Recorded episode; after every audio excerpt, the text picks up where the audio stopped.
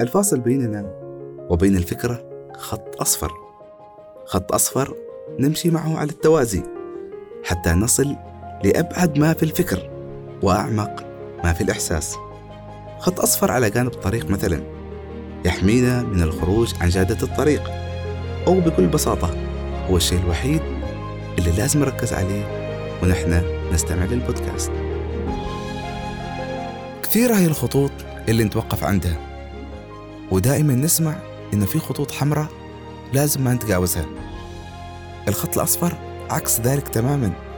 هو ممتد ليوجه بوصلة الأفكار والأحاسيس إلى الطريق الصحيح. ونحن أبدا ما بحاجة لأن نقطع الخطوط أو نتجاوزها. تماما كما يخبرنا الخط الأصفر. يكفي أن نمضي مع الأشياء بالتوازي. وتبارك الذي خلق الوجود موازيا للكائنات. السلام عليكم. هذه الحلقة مختلفة نوعا ما وإن كان تاريخ نزول الحلقة لا يشي بذلك إلا أنها مختلفة حقا. لذا دعونا نبدأها بلا مقدمات طويلة لنكتشف ما هو المختلف فيها.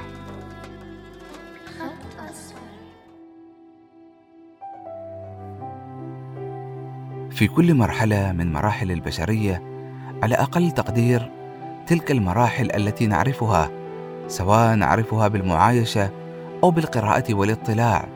في كل المراحل وفي كل الحقب لم تقف البشرية متجاهلة كل الذي مضى من تاريخها. لم تشعر البشرية والإنسانية أنها مقطوعة من شجرة أو أن هنالك أخدودا على امتداد التاريخ انتهت عنده أمة من البشرية وقامت أخرى حتى في موضوع الجدل عن أصل الإنسان وبداياته هنالك ربط بين آخر مولود يولد الآن في هذه اللحظة وبين الأب الأول للبشرية. عموما ليس ميلاد البشرية فقط وليس ميلاد الكائنات بل حتى على مستوى الحضارات والأمم على مستوى المعمار والفنون وأساليب الحياة على مستوى الأفكار أيضا. لا تولد فكرة هكذا من عدم وفي ذلك آية عظيمة.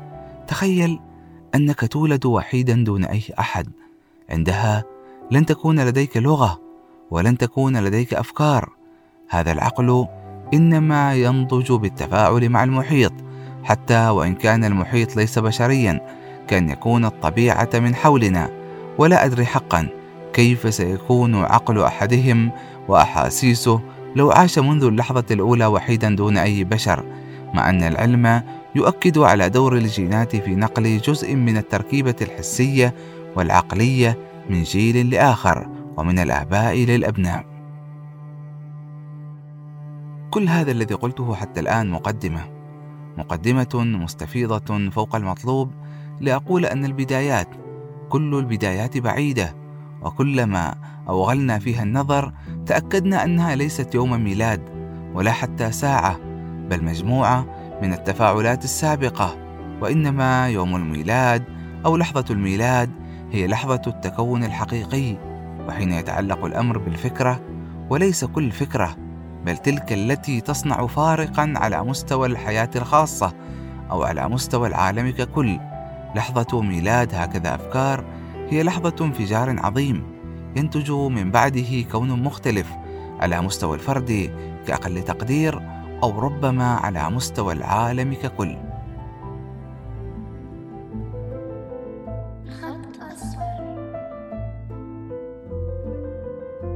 وراء كل إنجاز عظيم إيمان عظيم. هذه المقولة أؤمن بها دائما. روح خط أصفر نابعة من إيمان هائل. هذا الإيمان خلق معالمه. بداية مشوار البودكاست كانت فكرة، ثم تحولت لخطة إلى أن أصبحت واقع.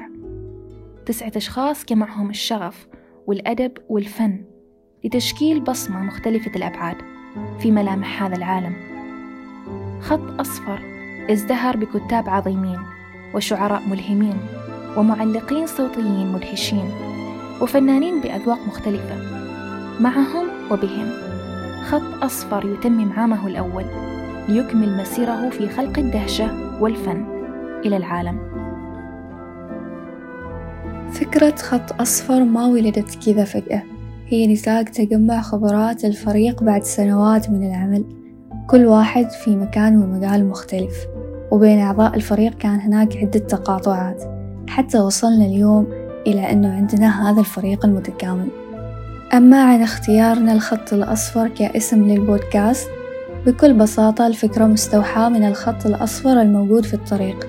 هذا الخط نمشي معه بالتوازي على طول الطريق. وهنا تتضح فكرة كيف نحن في حياتنا محتاجين نمشي بالتوازي مع الكثير من الأفكار والأحاسيس. والتوازي هذا يرمز للذكاء والحكمة في البحث والنقاش. ما ضروري دائما نقطع الخطوط؟ وما محتاجين نهاجم الآخرين في رحلة البحث عن الحقيقة يكفي أن نمضي بالتوازي مع الناس والحياة حتى نصل لأبعد ما في الفكر وأعمق ما في الإحساس ترى كم سؤال مر علي في حياتي هل الروتين الحياة المفروض تركن بنا للموت الدماغي؟ أيهما جاء الأسئلة أم الإجابة؟ أنت على قيد الحياة ما دمت على قيد الأسئلة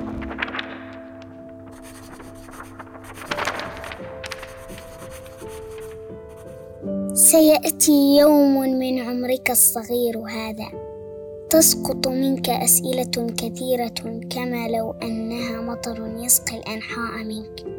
ستمتد منك تساؤلات لن يستطيع العالم من حولك فهمها غالبا. تساؤلات عن العصفور الذي لم يجد أمه لكنه وجد الشجرة. عن الألوان التي لم تظهر في السماء لكنها ما زالت ترى بعينيك. عن الأغنية التي تبدو حوارا تصنعه الروح. وعن الزحام الذي يشبه عقلك وأنت تفكر الآن.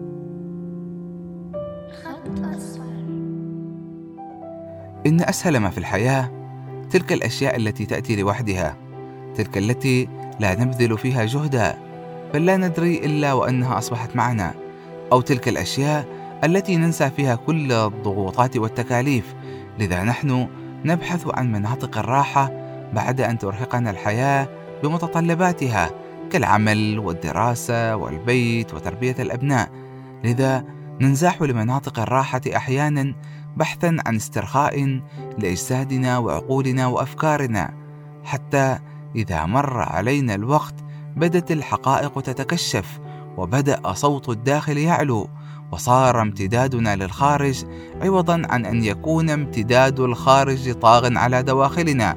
وهنا سأقف لأقول نحن في هذه الحياة صوتان. الأول صوت في الخارج يملا الأرض والثاني فهو صوت في داخلنا. نسمعه بوضوح في تلك اللحظات لحظات الاسترخاء في مناطق الراحة حيث نشعر بالهدوء. لكن الهدوء نفسه ليس صمت مطلق.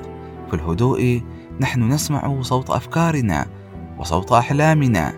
بل وحتى نكون أكثر واقعية نحن نسمع صوت أنفاسنا وأنفسنا. والنفس إما مطمئنة أو لوامة أو أمارة بالسوء. دعونا نأخذ بضع خطوات إلى الوراء إلى مناطق الراحة حتى نسأل أنفسنا. أي صوت نسمعه أجسادنا مسترخية وحياتنا منشورة في سماء عالية من الخيال.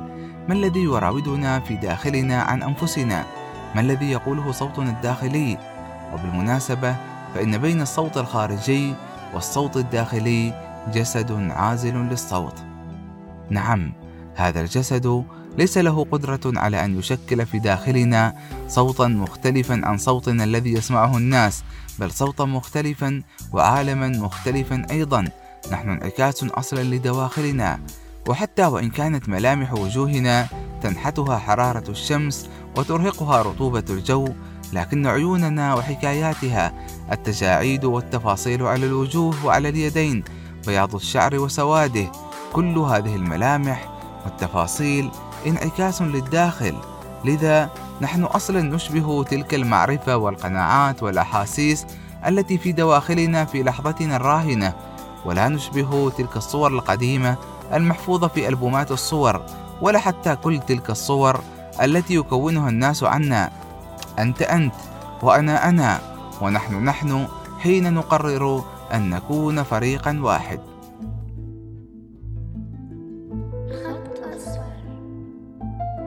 فريق خط أصفر آه، سلطان شريف هيثم قصي شيماء ريان آمنة غيداء والدكتورة رقية. ألوان كثيرة وشخصيات مختلفة ولكن دائما ما تجد اللون الأصفر حاضر في كل واحد منا. ورغم اختلاف التوجهات والأفكار إلا أن دائما نصل إلى نقطة اتفاق. والمذهل في خط أصفر أن الفريق تعدى مرحلة العمل وأصبح عائلة تدعم بعضها البعض حتى خارج خط أصفر. عائلة توقد الشغف باستمرار وتخلينا دائما متلهفين نعرف أشياء أكثر ونستفيد من بعضنا البعض بشكل أكبر وأكبر.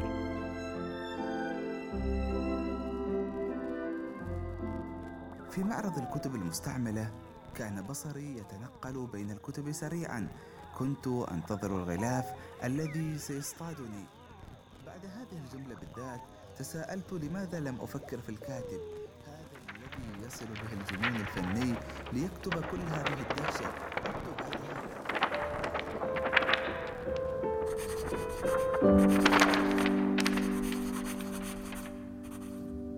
إنك تكبر الآن. انظر أصبحت تنمو في عقلك ألوان جديدة. بدأ يصبح لصوتك الداخلي روح وملامح؟ نفهم ما ترى. نفهم أنك الآن ترى العصفور والشجرة شيئا واحدا وأن الألوان التي رأيتها سابقا لم تكن ألوانا بل كانت أنت. وأن صوت الروح هو قلبك حين بدأ يتعلم أن يقول شيئا. إنك خائف. تحمل أسماء جديدة للمدرسة. والأصدقاء والعالم لا بأس. أنت كثير وممتد الآن.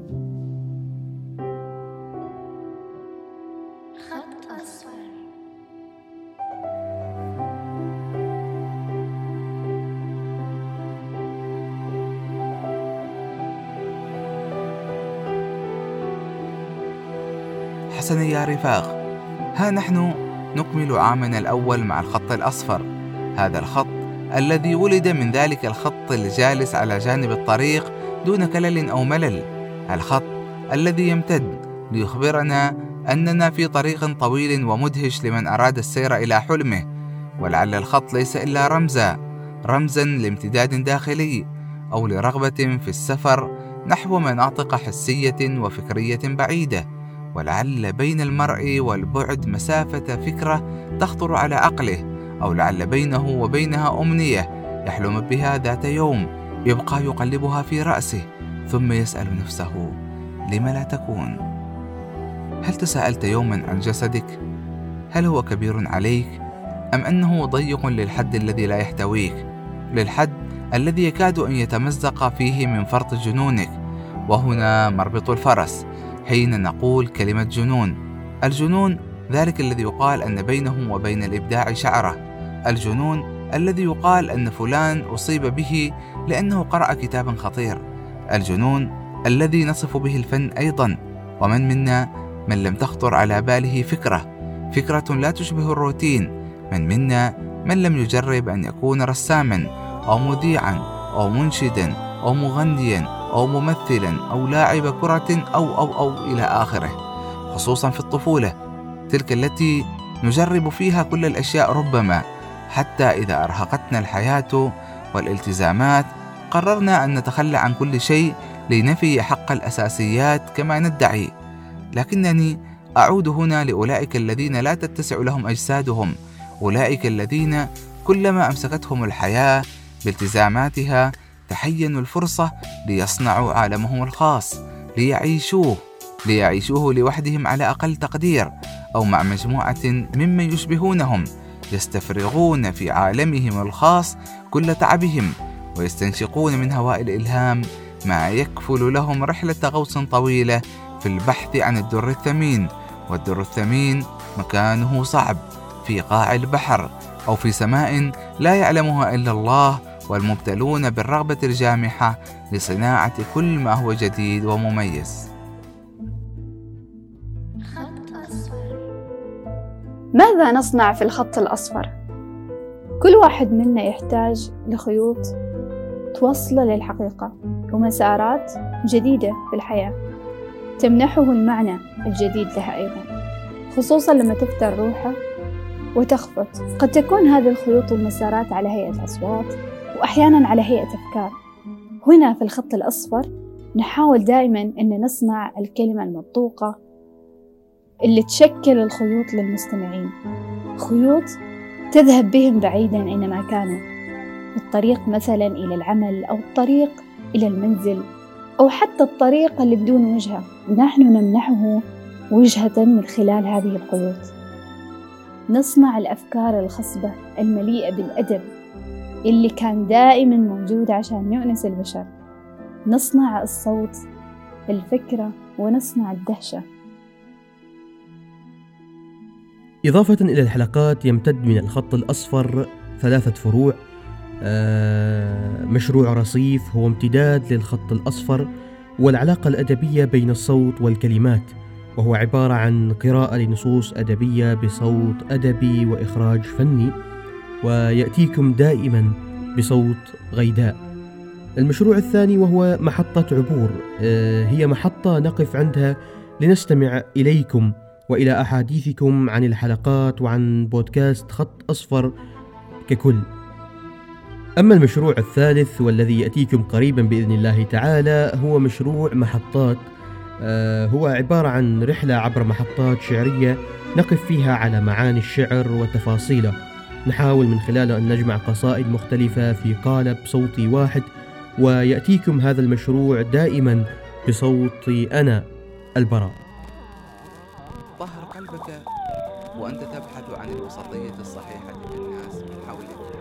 محاولا أن تقودهم لوسطيتك ومتسائلا عن هذا الميل الذي يصيبهم.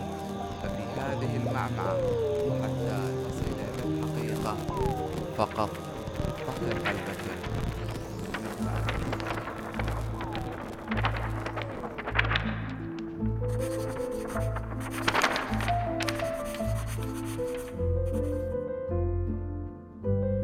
انظر إلى السماء. ماذا ترى؟ هل صادفت خطوطا وهي تعبر الأرجاء؟ تمسكها آمين. خرجت ليلا من غرفة أمك. وهي تنادي الله أن يصبح لطفلها دربا آمنا لأنك أصبحت ترى. وبرؤية التي يقيسهما عليك عقلك وقلبك معا. وهذا ما يفتح عليك العالم بمصراعيه. العالم الذي كنت تسأل عنه. وهو الآن يسألك بطريقته الخاصة. انظر للأرض سترى ألوانا كثيرة. إنك ترى أبعد ما في الألوان وقد يكون المشهد مرعبا أحيانا. حينها تذكر أن تبصر اللون الأصفر. سوف ترانا من بعيد نلوح على أفكارك أحلامك خوفك وكل الأشياء التي تراها. وبسببها أخبرك العالم أنك مجنون. اطمئن هذا الجنون هو ما جعلك فنانا يرسم العالم ويرى.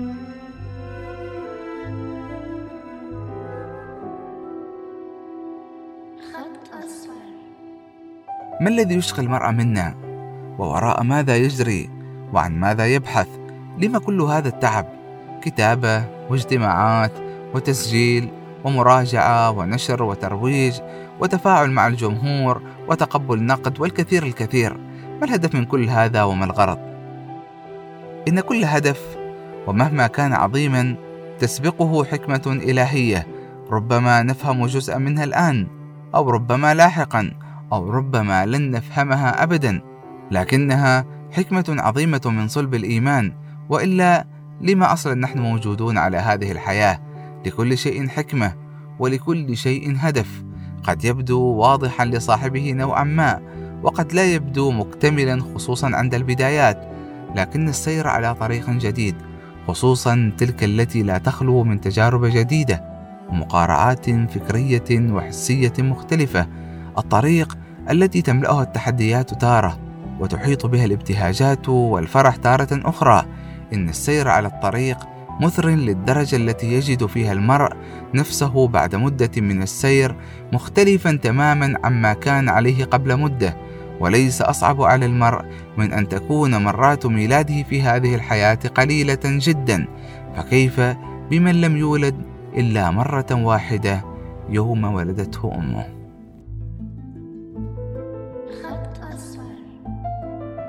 ماذا تعلمنا نحن كفريق خط أصفر.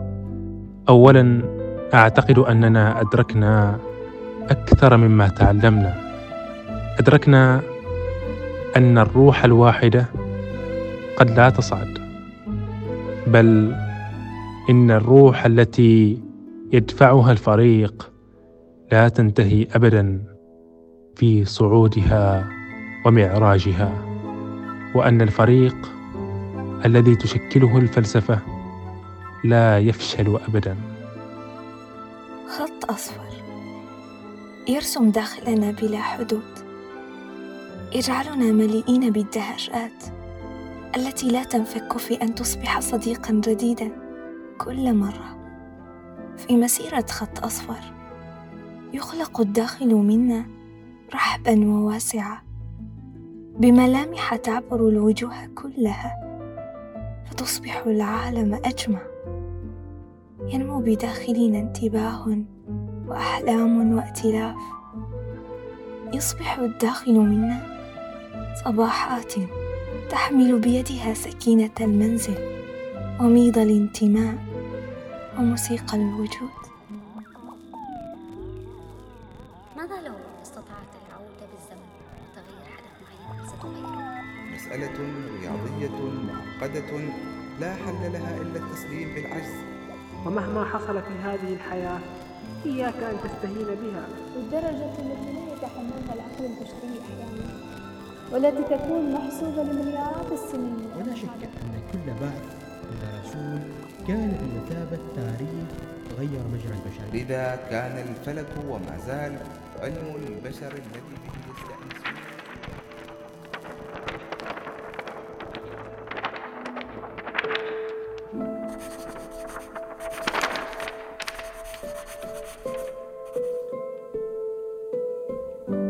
اليوم أنت تعرف جيدا لكنك تقرر دائما أن تجلس فيما وراء الأشياء التي نعرفها.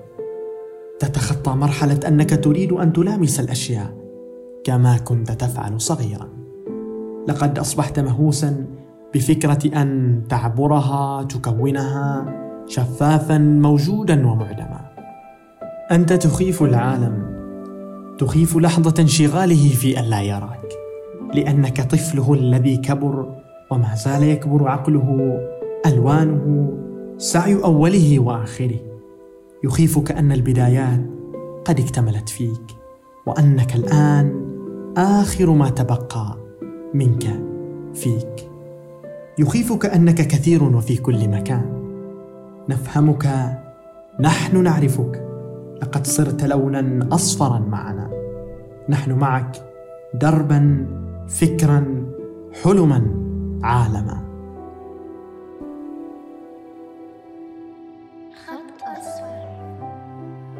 ختاما ها نحن نكمل العام يا رفاق. كانت رحلة ليست بالطويلة لو قيست بعدد الحلقات لكنها طويلة لو قيست بعدد من تفاعلوا معنا. فكل قول أو فعل كل نقد أو تشجيع كل صوت أو مشاركة كل ذلك وأكثر بكثير. إنما هو المكسب الحقيقي لنا. كانت الفكرة ذات يوم مجرد خيال وكانت قبلها شيئا هلامي. لكن أحدنا قال ذات يوم امض ولا تلتفت فكل طريق يولد من الخطوة الأولى. امضي واعقد من النية ما يتبدى لك في لحظتك. فالنوايا كالأفكار تكبر مع الوقت. لذا ونحن نمضي عبر عام كامل مع الخط الأصفر تبدت لنا الحكمة من كل هذا وتعاظمت في دواخلنا النوايا وأردنا لبودكاست خط أصفر أن يكون طهارة لقلوبنا وأفكارنا وأرواحنا وسألنا الله نية أكبر من ذلك. سألناه ونسأله أن يجعل هذا العمل دعوة إلى الله بالتي هي أحسن. كانت هذه الحلقة الرابعة عشر من بودكاست خط أصفر. الخط الذي مضينا نحن وإياكم معه على التوازي لمدة عام كامل وها نحن اليوم نكمل العام بهذه الحلقة. فكل عام والخط الأصفر وأنتم بخير.